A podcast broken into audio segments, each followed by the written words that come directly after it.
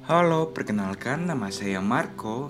Di kesempatan kali ini saya akan membacakan puisi karya W.S. Rendra yang berjudul Telah Satu.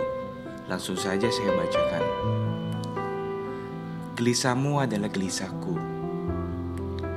Berjalanlah kita bergandengan dalam hidup yang nyata dan kita cintai.